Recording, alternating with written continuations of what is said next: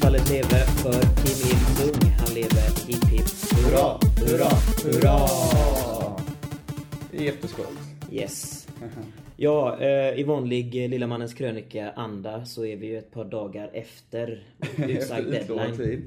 Eh, Kim Il-Sung, eh, grundaren av Nordkorea, fyllde, skulle fyllt rättare sagt 101 år. Mhm. eh, måndag den 15 april då, i år alltså. Föddes på ett heligt berg om jag inte minns helt fel. Du Nej, kan det, var, det historien var sonen bättre. hans som gjorde det. ah, okej. Kommer vi till. Okej, okej. Eh, Kim Il-Sung, väldigt mytomspunnen. Eh, finns tyvärr inte så mycket om eh, den, det hjärtat. Föddes 42 till och med om jag inte minns helt fel. Eh, Ja, vi, ska, vi har ju lovat att prata om Nordkorea. Eh, vi var på G att göra det i måndags men vi satt och diskuterade så länge så att vi tröttnade helt enkelt på Nordkorea innan vi ens hann börja spela Ja, in. vi hann ju glida in på lite andra ämnen där. Mm. Det blir lätt så när man... Eh, Bostonbombningen hände ju senare på kvällen där också Ja. så vi fastnade lite i det. Men vi kommer till det senare faktiskt. Ja, Eh, vi får, man vi får utgå inte. ifrån att det är nordkoreaner som ligger bakom dåden helt enkelt. Så, Eh, så ja, löser vi det ganska Vi binder snyggt. ihop det på det sättet. Eh, Marcus, du som ändå har lite historiebakgrund kan väl ta vad är Nordkorea och varför heter det Nordkorea? Ja, Nordkorea, jag skulle väl påstå att det är världens just nu mest isolerade land. Mest protektionistiska land. Eh, det klassas ju som en, som en kommunistisk stat, även om det rent ideologiskt kanske inte har så mycket med kommunismen att göra, utan det är snarare en väldigt, en väldigt elitistisk militärdiktatur. Elitistisk. Elitistisk, för det är ju sån, det är en, en liten elit som styr allt sammans. Och då- Elitistisk, okej. Ja, då är jag med. Ah, ja, då är det mm, för närvarande här Kim Jong-Un som styr allt sammans. Mm. Vissa spånar på att det är snarare egentligen hans faster och farbror tror jag. Som, en drar i form av, trådarna. eh, generaler i militären och sånt där om jag. Kanske, Hans, hans kanske n- någon typ av oli- oligarki i alla fall. Mm. Eh, från början så var ju den lilla halvön eh, eh, befann ju den sig i ganska utsatt situation för både Japan och Ryssland innan det blev Sovjetunionen när det var tsardöme fortfarande slet ju mellan varandra om vem som skulle kontrollera halvön. Och 1910 eh, i och med revolutionära påtryckningar, påtryckningar i Ryssland så kunde Japan ta kontroll över, över halvön, eller hela Korea då. Hela Korea alltså. Hela Korea ja. Och det fortsätter de För de, ha. de vill också ha lite, ett, ett imperie liksom på samma sätt. Precis, de bedrev ju en liknande politik som USA så småningom skulle göra, eller redan då hade börjat med i Latinamerika. Men det löste Big Boy. Det gjorde de ju sen så småningom, även om de lät Japan fortsätta bedriva sin utrikespolitiska imperialism, eh, men då under amerikansk kontroll så att säga. De, Väldigt strategiskt. Väldigt det får man strategiskt. faktiskt. USA kontrollerar deras, deras olje, oljeimport helt enkelt och på så vis så kunde de även kontrollera Mm. hela deras utrikespolicy. Men som sagt, Japan eh, kontrollerar hela Korea fram till slutet på andra världskriget där Japan då förlorar. Eh, och därefter delas, delas det upp i nord och syd, vilket är lika med Sovjet eh, styre så att säga. Det är kommunistiskt styre i nord och amerikanskt stöttat styre i syd. Mm. Och det var ju, vad jag förstått det som, en hel del sentiment i landet att det ändå skulle bli enat. Men det var inte, de här stora, två stora supermakterna delade väl kanske inte riktigt den åsikten. Så, Det var lite som eh, två bästa kompisar då som ville, som ville umgås men de fick inte för sina föräldrar så att säga. Jag, jag kommer ihåg jag hade en, min bästa kompis då var dåligt, var dåligt inflytande på mig tyckte mina föräldrar och vice versa tyckte hans föräldrar. Fast vi insåg att vi var ju likasinnade och bra vänner. Precis. Så det var lite De var det. kanske inte bästa kompisar men ändå hade de lite, lite gemensamt som de ville För ha de är ju, det är ju ändå samma etnicitet och de talar ju samma Precis. språk. Och de har ju varit, hängt ihop länge Ja, väldigt, innan synd, det. väldigt synd. Eh, och därefter så blev det ju två militärdiktaturer faktiskt. Man brukar ofta måla upp Sydkorea som det demokratiska, öppna, fria landet. Men länge fram till slutet på 80-talet i alla fall så var det ju drivet som en diktatur fortfarande med USA då. Eh, under amerikansk översyn så att säga. kanske så här med facit i efterhand ett smart drag. För att om vi... Sydkorea har ju en... eh, Det är en väldigt fantastisk utveckling de har gjort. Mhm. Eh, 1953 om jag inte minns så var ju de... Ännu tidigare, eller ännu senare snarare. Början på 60-talet. Kanske. 61 tror jag de fortfarande räknas som en av de absolut fattigaste länderna i En, världen. ett av de absolut fattigaste länderna Ja. i världen. Och idag är det, det, mest, det är mer högteknologiskt än Sverige idag. Ja, så det, det- nu utbildningen det- är utomordentlig. Alltså. Ja, nu räknas det numera som ett industriland eller OECD-land. Mm. Eh, Samsung gick ju om Nokia som största mobilleverantör eller vad man kallar Mm. det för, förra året tror jag. Och det var då en historisk punkt eller milstolpe som de då uppnådde då för att för bara 50 år sedan vara ett riktigt fattigt.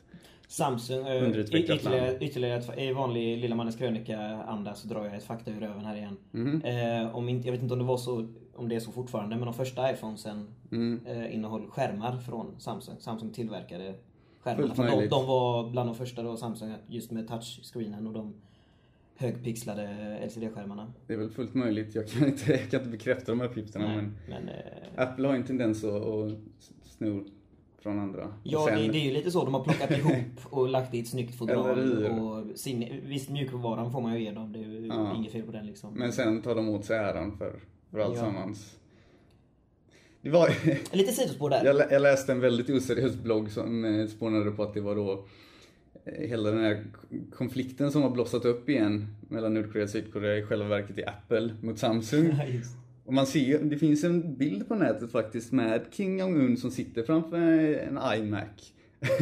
Ja, ny, nyare, nya iMacen Ja. Ja. och då, och då menar man på att det är Samsung, eller det är snarare Apple som vill hämnas på Samsung igen. Mm. För, Ja, mycket. Om man tänker så, det är ju jävligt... det är Burger King, McDonalds, Ja. eh, Pepsi, Cola. Excon, Chevron. Ja, precis. Den här eh, påklistrade konkurrensen som gör Ja. liksom att eh, omsättningen ökar för båda parterna egentligen. Illusion, the illusion of choice. Mm, ja, precis. Men i själva verket så är det då en duopol med bara två. Rött och, rött och blått block, lite samma sak där. Mhm. Varsitt, Vänster varsitt håll på samma onda cirkel. Ja, precis.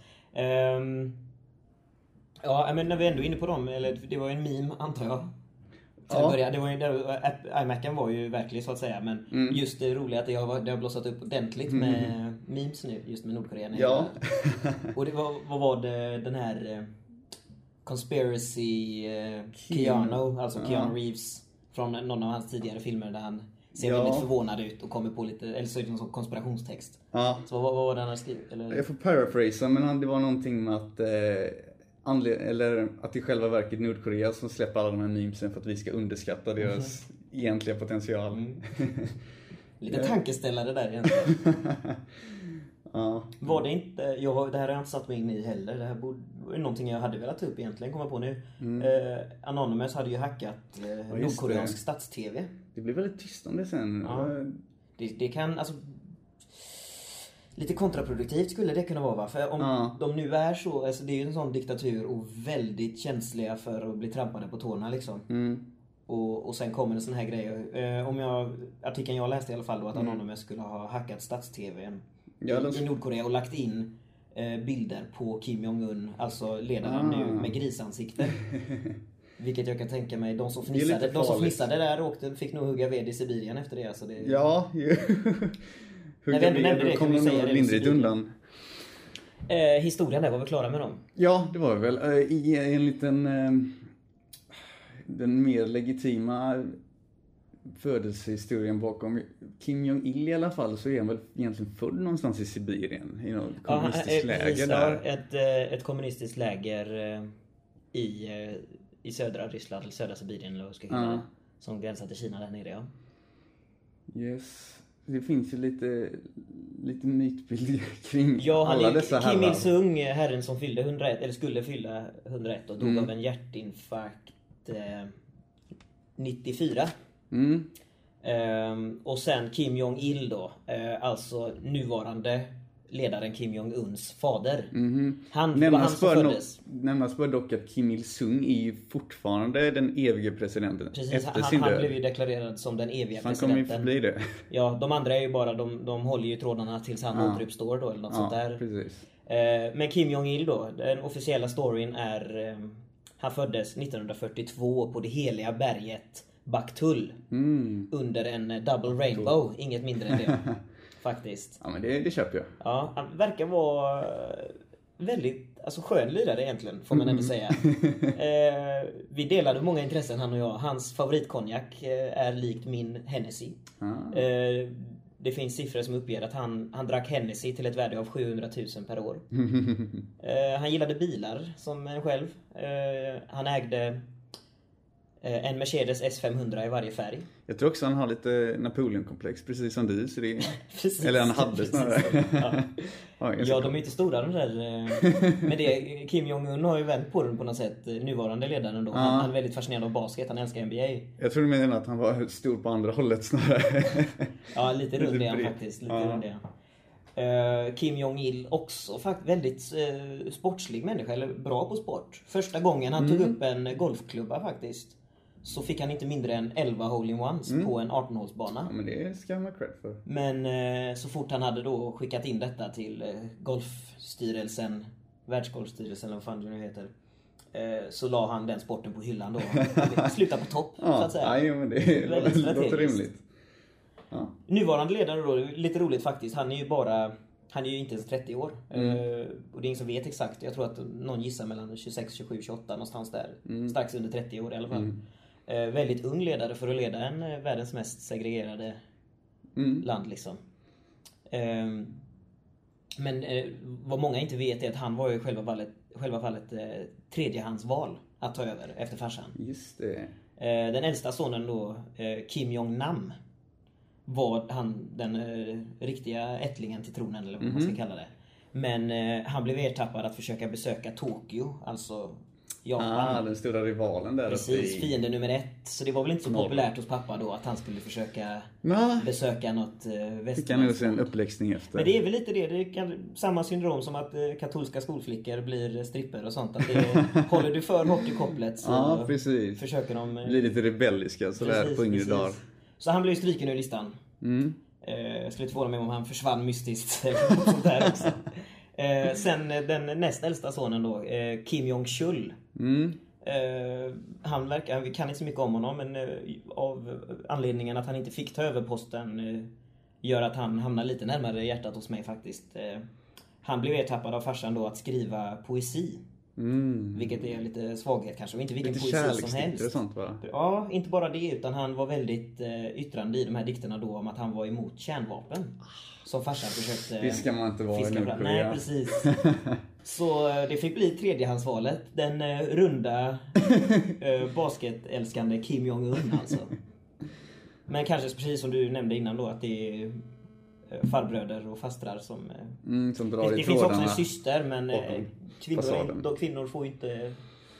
Det är ju väldigt eh, patriarkalt styre. Är det så? Ja, men, men han har en syster också, Kim Jong-Un, en äldre syster. Mm. Som, fast som ändå, hon har jobbat sida vid sida med pappa. Hon är, Jag tror hon är någon form av expert på propaganda och reklam och såna här grejer. P- PR-ansvarig tror jag hon var för farsan. Mm. Och, så hon jobbar än idag då för regeringen, eller för styret, som eh, propagandachef. Lite gobbels över henne så att säga. Mm. Så där där vet vi lite om det faktiskt. Ja, när vi, vi nämnde ju det förut, de här eh, eh, Sibirien. De har ju haft ett ganska... Jag vet inte om det är ett formellt eller informellt samarbete med... eh, Det är ju Ryssland och Kina då som är, Ja. inte allierade kanske är att ta i. Nej, men det finns ju någon, i alla fall en ekonomisk koalition så att säga. Mm. Mellan dessa två Det är, väl, det, är väl, supermakter. det är väl de som har eh, hjälpt dem mest förutom eh, bistånd från världssamfundet så är det Mm. just Kina och Ryssland som har Ja, framförallt Kina då. Kina, och handlat den, med dem. Ja. Varor och sånt. Kina har ju en eh, systematisk handel med Nordkorea. Det är lite Kina som fortfarande livnär Mm. eh, livnär Nordkorea efter då ett Sovjetfall på en Sovjetfall då 92. Mm.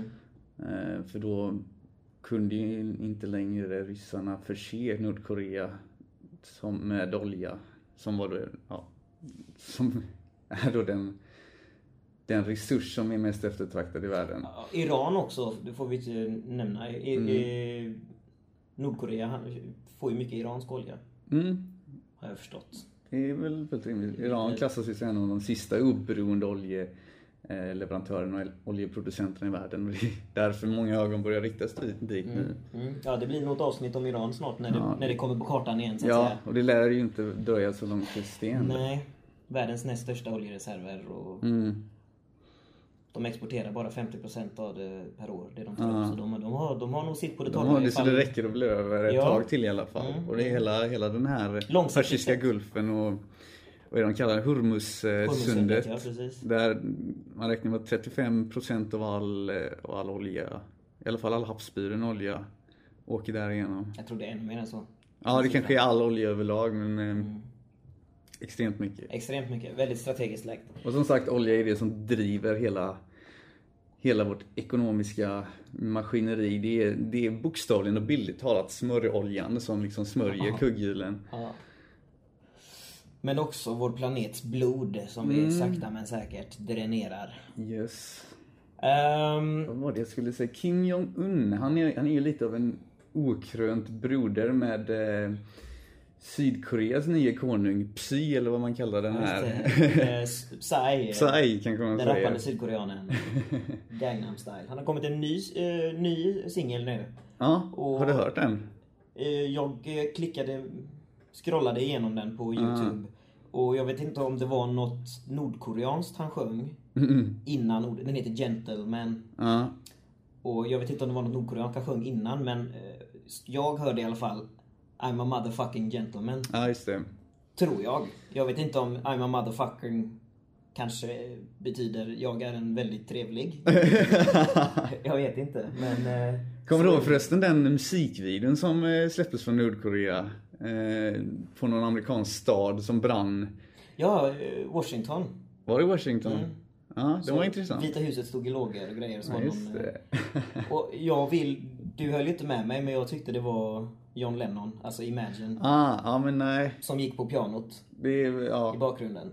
Det råder delad mening om. Vi, vi analyserar väl inte den videon så mycket. Troligtvis så är Kim Jong, eller Kim Jong-Un hade nog sagt nej det var min farsa som skrev den här Ja. pianoslingan Ja, faktiskt. det. Men eh, Lennon var ju där ett tag i, i Ostasien och, och drev runt. Så det kanske var just därifrån han fick sin, eh, Sin. Imagine-dänga. Ja. Nej men eh, Nordkorea, alltså väldigt stängt land. Man vet ju inte så mycket och det finns ju få liksom bekräftade grejer därifrån. Det är ju mest, Mm. det är väldigt mytomspunnet. Mycket en- Alla har ju sett de här hur, eh, hur strukturerade och hur läskigt kontrollerade. Disciplinerade. Precis, både militären men också befolkningen Ja. också. Eh, när Kim Jong-Il dog här nu för något år sedan så, så var ju befolkningen ute och grät på torget och sånt. Mm. Och så fick man uppgifter om senare då att de som hade vägrat gråta dit eller Mm. inte grät tillräckligt trovärdigt blev skickade till de här eh, arbetslägren. Mm. Inte bara arbetslägren runt om i Nordkorea som ja, svensk media har rapporterat om de här satellitbilderna, alltså hur Mm. hemskt och stora. Liksom, Auschwitz är ju en, eh, det ser ut som ett kvarter jämfört med Mhm. de här städerna av arbetsläger egentligen. Ja, precis. Eh. Samma med under fotbolls-VM så ryktades i alla fall att laget som då ställde upp som deras VM-lag, i och med att de inte kom så långt som de det hade hoppats på, fick de också som straff att hamna på någon av de här. Att de inte kom så långt. Men, men vad som är roligt också, mitt, eh, en av mina favoritmedier, eller eh, ja, inte kontroversiella, men icke-konventionella medier. Mm. Eh, Vice, Ah. alltså Vice Magazine. Mm. Eh, sköna killar.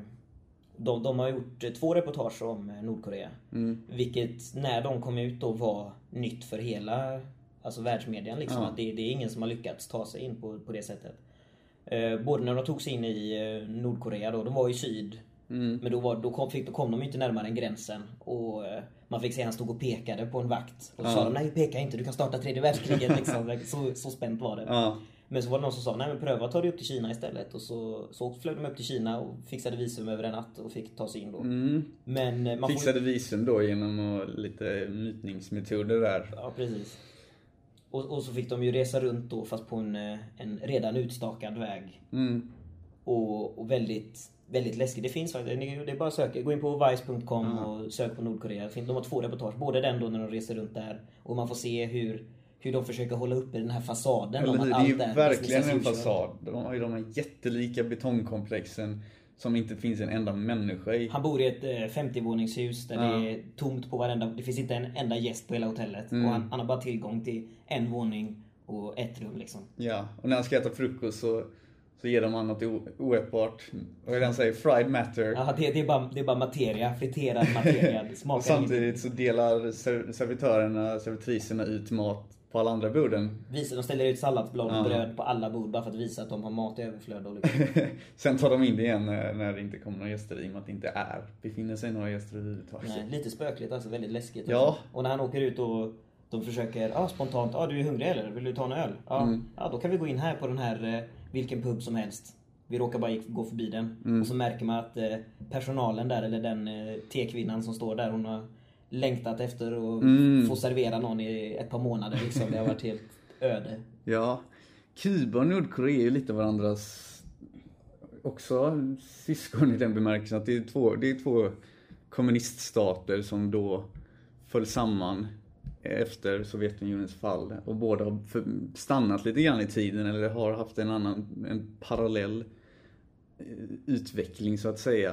Eh, Men däremot känns Kuba, till skillnad från Nordkorea, som ett mer attraktivt Ja, alltså det, det är ett ställe att åka och liksom uppleva den här parallella verkligheten. syskon fast inte biologiska. Nej, typ, någon precis. har- Jag vill ha någon form av... eh, Ja. Lite som då Kim Jong-Un och Psy. Ja, alltså det, de är ju på samma plan fast på vars, vars... De är ändå motsatserna till varandra på något sätt. För Ja. att, eller det man får höra från, rapportera tillbaka från Kuba Mm. jämfört med Nordkorea är ju lite som dag och natt. Att Ku- Kuba har ju lyckats Mm. fånga kommunismen lite bättre. Typ det här Ja. med gemenskapen och, att, och välfärd åt alla. Och Nordkorea kör ju det mer militanta. Precis. Lite Stalinistiska- Som, som har ja, betydligt mindre att göra med kommunism så att säga. Mm. Kuba har ju dessutom blivit extremt handlings, handlingsförlamat och eh, fördärvat i och med all handels, alla handelsblockader, eh, sanktioner som, som fortfarande tynger ner dem. Vilket för oss in då på sanktionerna som FN gång på gång har Mm. försökt, för de har ju försökt, eh, Nordkorea, ja vad tog vi historielinjen fram till 90-talet där? Och sen var det ju lugnt ändå med Nordkorea. Mm. Eh, slutet på 80, början på 90 var det ju lugnt och de skötte sig själva fram tills George Bush efter eh, Den andra, 9-11 så då. Ja, George Bush. W. George W. Bush, precis. Mm. Som eh, något år efter, 11 september, hade använde väldigt kraftig retorik. Eh, om just terror och bekämpa terrorstater som han kallade det. Och Han då- kunde lika gärna pratat om Irak så att säga. Det var, det var samma retorik. Det ja var precis. liksom Och så weapons of bara- mass destruction. det, kom lite, det tog alla på sängen lite att han bara Ja. Han eh, förklarade Nordkorea som en av de största och farligaste liksom, eh, staterna mot, mot hela världens säkerhet. Och, Mm. Det blev the axis of evil. Och ja, då var det ju. Då räknades ju Nordkorea, Irak, Afghanistan, Iran och Kuba in och nu har de lyckats så att säga neutralisera både, både Irak och Afghanistan. Mm, så det finns två kvar. Ja. Borden. ja. Eller tre egentligen. Iran, Nordkorea, Kuba. Ja, jo precis. Förlåt mig. Som de kallas Rogue States. Ja, och, och sen, sen då 2002 där, då började det igen komma på kartan att de höll på med kärnvapen. Mm. Eh, och FN implementerade sanktioner Mm. mot dem. För de, det är ju hundratusentals nordkoreaner som svälter varje dag. Det råder ju en, en brist på allt där Ja. Det är egentligen De har inte ens råd att tända lamporna. Vad vi vet om. Precis. Det, det- kan vara betydligt mer till och med. Bara om man ser eh, satellitbilderna därifrån. Det gränsar ju till Kina och Sydkorea då. Mm. Och en satellitbild över Koreahalvön, det, det är skrämmande. Alltså, Ja. Sydkorea är ju upplyst som vilket västland som helst. Ja. Och sen är det kolsvart i Nordkorea förutom en glödlampa i Pyongyang. Liksom, Pyongyang, ja, precis. Så det, det, det är hemska förhållanden befolkningen lever under där och hundratusentals svälter som sagt ihjäl varje år. Mm. Och det, Och- blev ju, det var ju extra, extremt krisartat då precis efter Sovjetunionens fall. Då Ja, räknar man med en av de största Mitt- mitten av 90, svältkatastroferna ja, någonsin. Då var det nog uppe någonstans. miljonen tror jag. Ja. Det var lite läskigt.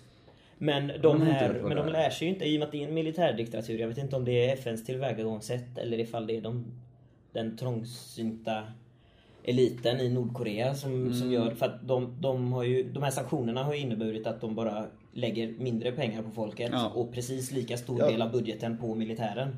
Så de har ju bara fortsatt liksom. Sanktioner brukar ju resultera i att, att snarare så, är det, så sker de på bekostnad av, av de stora massorna, av sociala eh, välbefinnandet i, i länderna. Och då är det, men, men eliten är fortfarande lika väl bärgade i och med att de, de har fortfarande tillräckligt att till, så det räcker att bli över och att leva sitt lyxliv som Ja. de alltid har gjort. Men snarare så är det folket då som får lida.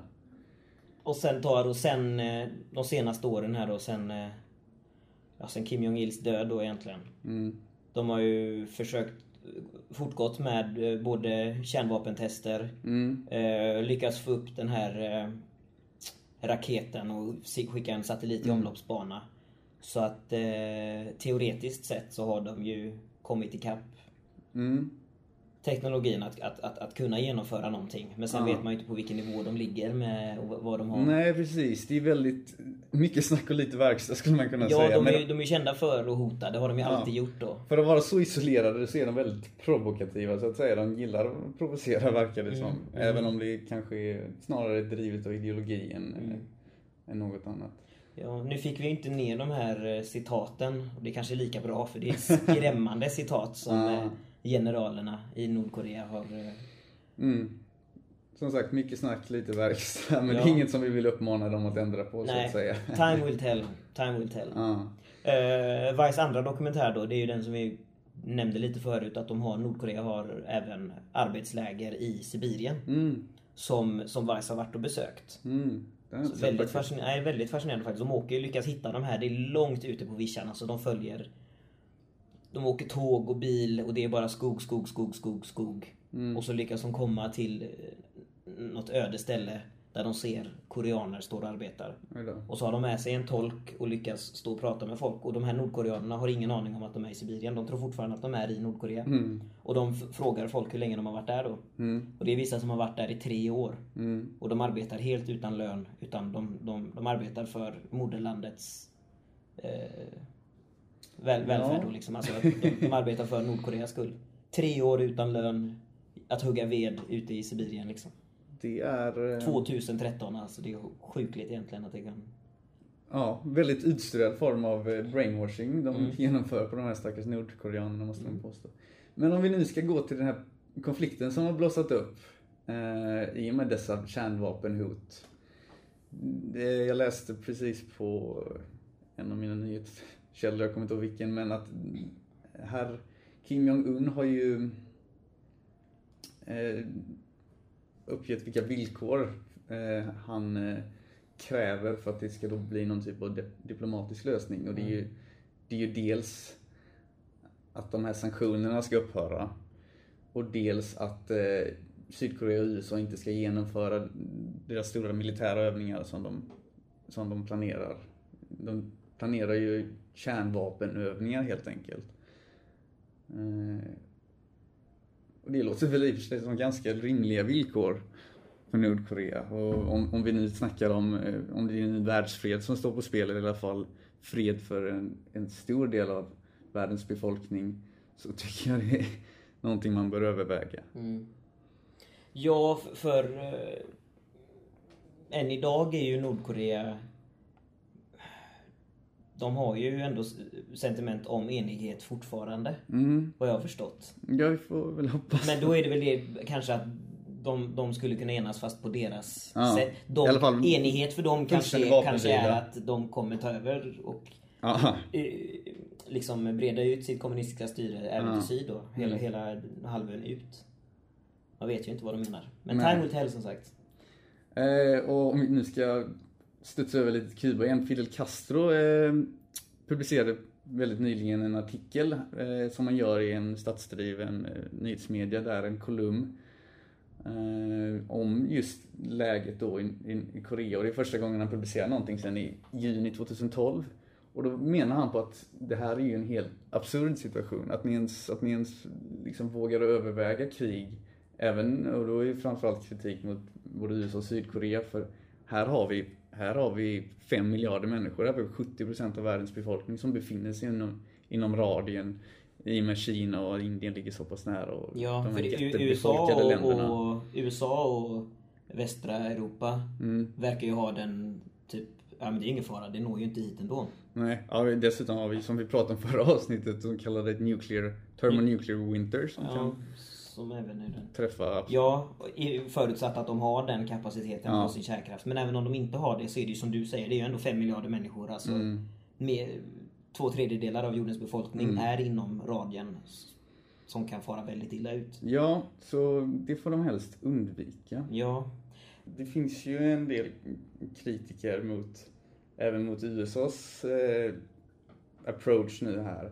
Att de, vissa menar ju på att USA är ute efter ett regimbyte i Nordkorea och de vill lyckas uppnå det här genom att helt och hållet bryta handelsbanden mellan Kina och, och Nordkorea då så att det blir så pass kaos i landet själv så att de på något sätt kan intervenera och, och installera en västvänlig proxy som de gärna gör. ja.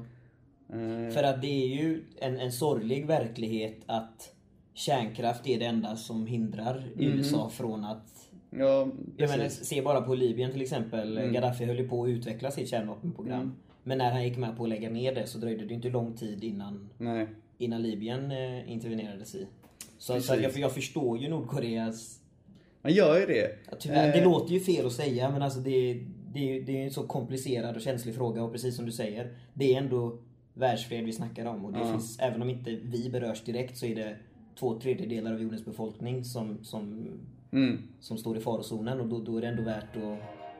Ja, eh, frågan är, frågan är vad som är USAs agenda i det här läget. För vissa andra analytiker och kritiker menar på att de vill behålla Nordkorea som någonting farligt för att det ändå för USA bedriver ju inte krig om det inte gynnar deras kommersiella industrisektor, vilket det outeslutande gör i och med att Ja, det finns så ha- många privata aktörer knutet till deras. Precis, och hade, hade aparatur. Nordkorea haft eh, oljekällor eller någon Mm. koboltmineraler eller andra iPhone-ingredienser så hade ju Mm. Nordkorea Redan innan Nordkorea hade grundats så hade ju USA tagit över det liksom. Precis. Svårare än så är det inte. Men just nu, i och med att de ändå mobiliserar för krig runt Nordkorea i Guam och Sydkorea. De har ju 28 000 trupper eller något sånt om jag inte minns helt fel. Jo, även Filippinerna har ju upprustat Ja. en hel del av sina amerikanska... Ja. Eh, och, Vilket i senare tur, det gör ju kineserna oroliga och kineserna har ju... De har ju satt sin militär på högsta beredskap och mobiliserat sina trupper till, Ja. till gränsen till, det är väl just, just den tredje analysen vissa gör, att det här är snarare en mobilisering för att kunna... Ligga lite närmare Kina så att Ja, säga. precis. Eh, och som sagt, USA, det är ju en... Det här så, så kallat militärindustriella komplexet som USA har. eh, I och med att de har alla de här stora privata aktörerna knutet till sig. Det är en form av järntriangel då, där amerikanska staten, amerikanska militären och eh, krigsindustrin är beroende av varandra. Så även om det inte sker, att det sker ett, ett fullständigt praktiskt krig så får ju fortfarande Raytheon och Dyncorp och Lockheed Martins och alla de här krigsindustriella aktörerna får ju, tjänar ju på den här situationen. Så det finns ju givetvis intressen. Och det är ett stort kontrakt för Halliburton att bygga upp då Ja, precis. hela Nordkorea från grunden igen. Och... Men det är ett vackert land alltså, hela Koreahalvön. Mm. Alltså naturen och Mm. kulturen innan 1910 då, innan hemskheterna började så att säga. Det, alltså, det, är ändå, det är ändå fascinerat. Det är så synd att det ska Mm. vara på det sättet. Vilket tar oss in på den eh, eh, DMZ-zonen, alltså the demilitarized zone. Mm. Gränsen mellan nord och syd, det är ju en två kilometer bred gräns. Eh, till stor del minerad. Jag tror det ligger tre miljoner miner eller något sånt där utplacerade också. Men eh, jag såg ett eh, naturprogram därifrån. Eh, hör och häpna. För i, i och med att inte en människa har satt sin fot där sedan eh, 1951 så har bo- både fågellivet och djurlivet har, har fått frodas fritt där. Ja. Så att eh, ornitolog var... Vi kom ju fram till vad... Ornitolog, Ja, jo. Ornitolog var det va? inte talpedagog. Um, ornitologer har, är placerade ibland på gränsen då för att se fågellivet där. Alltså det, ska tydligen vara något spektakulärt att de får vara helt i fred där. Så det är lite tur i oturen, lite, lite, lite, lite ljus i mörkret. Precis. Ja, eh, och som vi var inne på, Korea har ju inte, inte befunnit sig inom USAs direkta intressesfär sedan då Koreakriget på 50-talet. Och det är väl frågan nu vad som, vad som kommer att ske. eh, nu är jag inte helt insatt i det heller men eh, eh, början på 70-talet, 71-72. Ja, jo.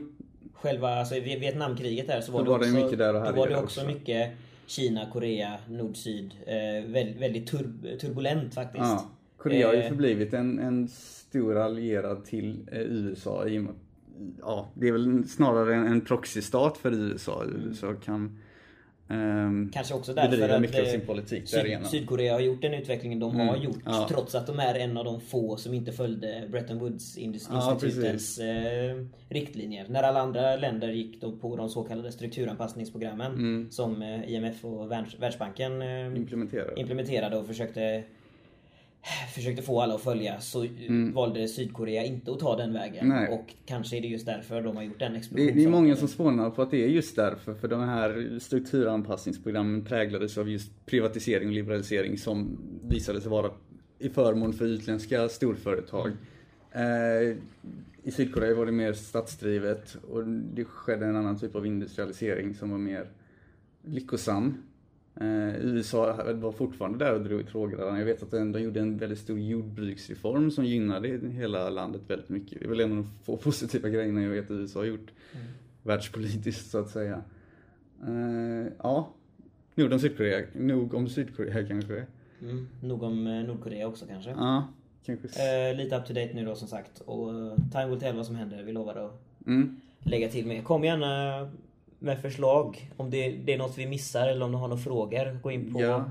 Den lilla mannens krönika. Och som Facebook.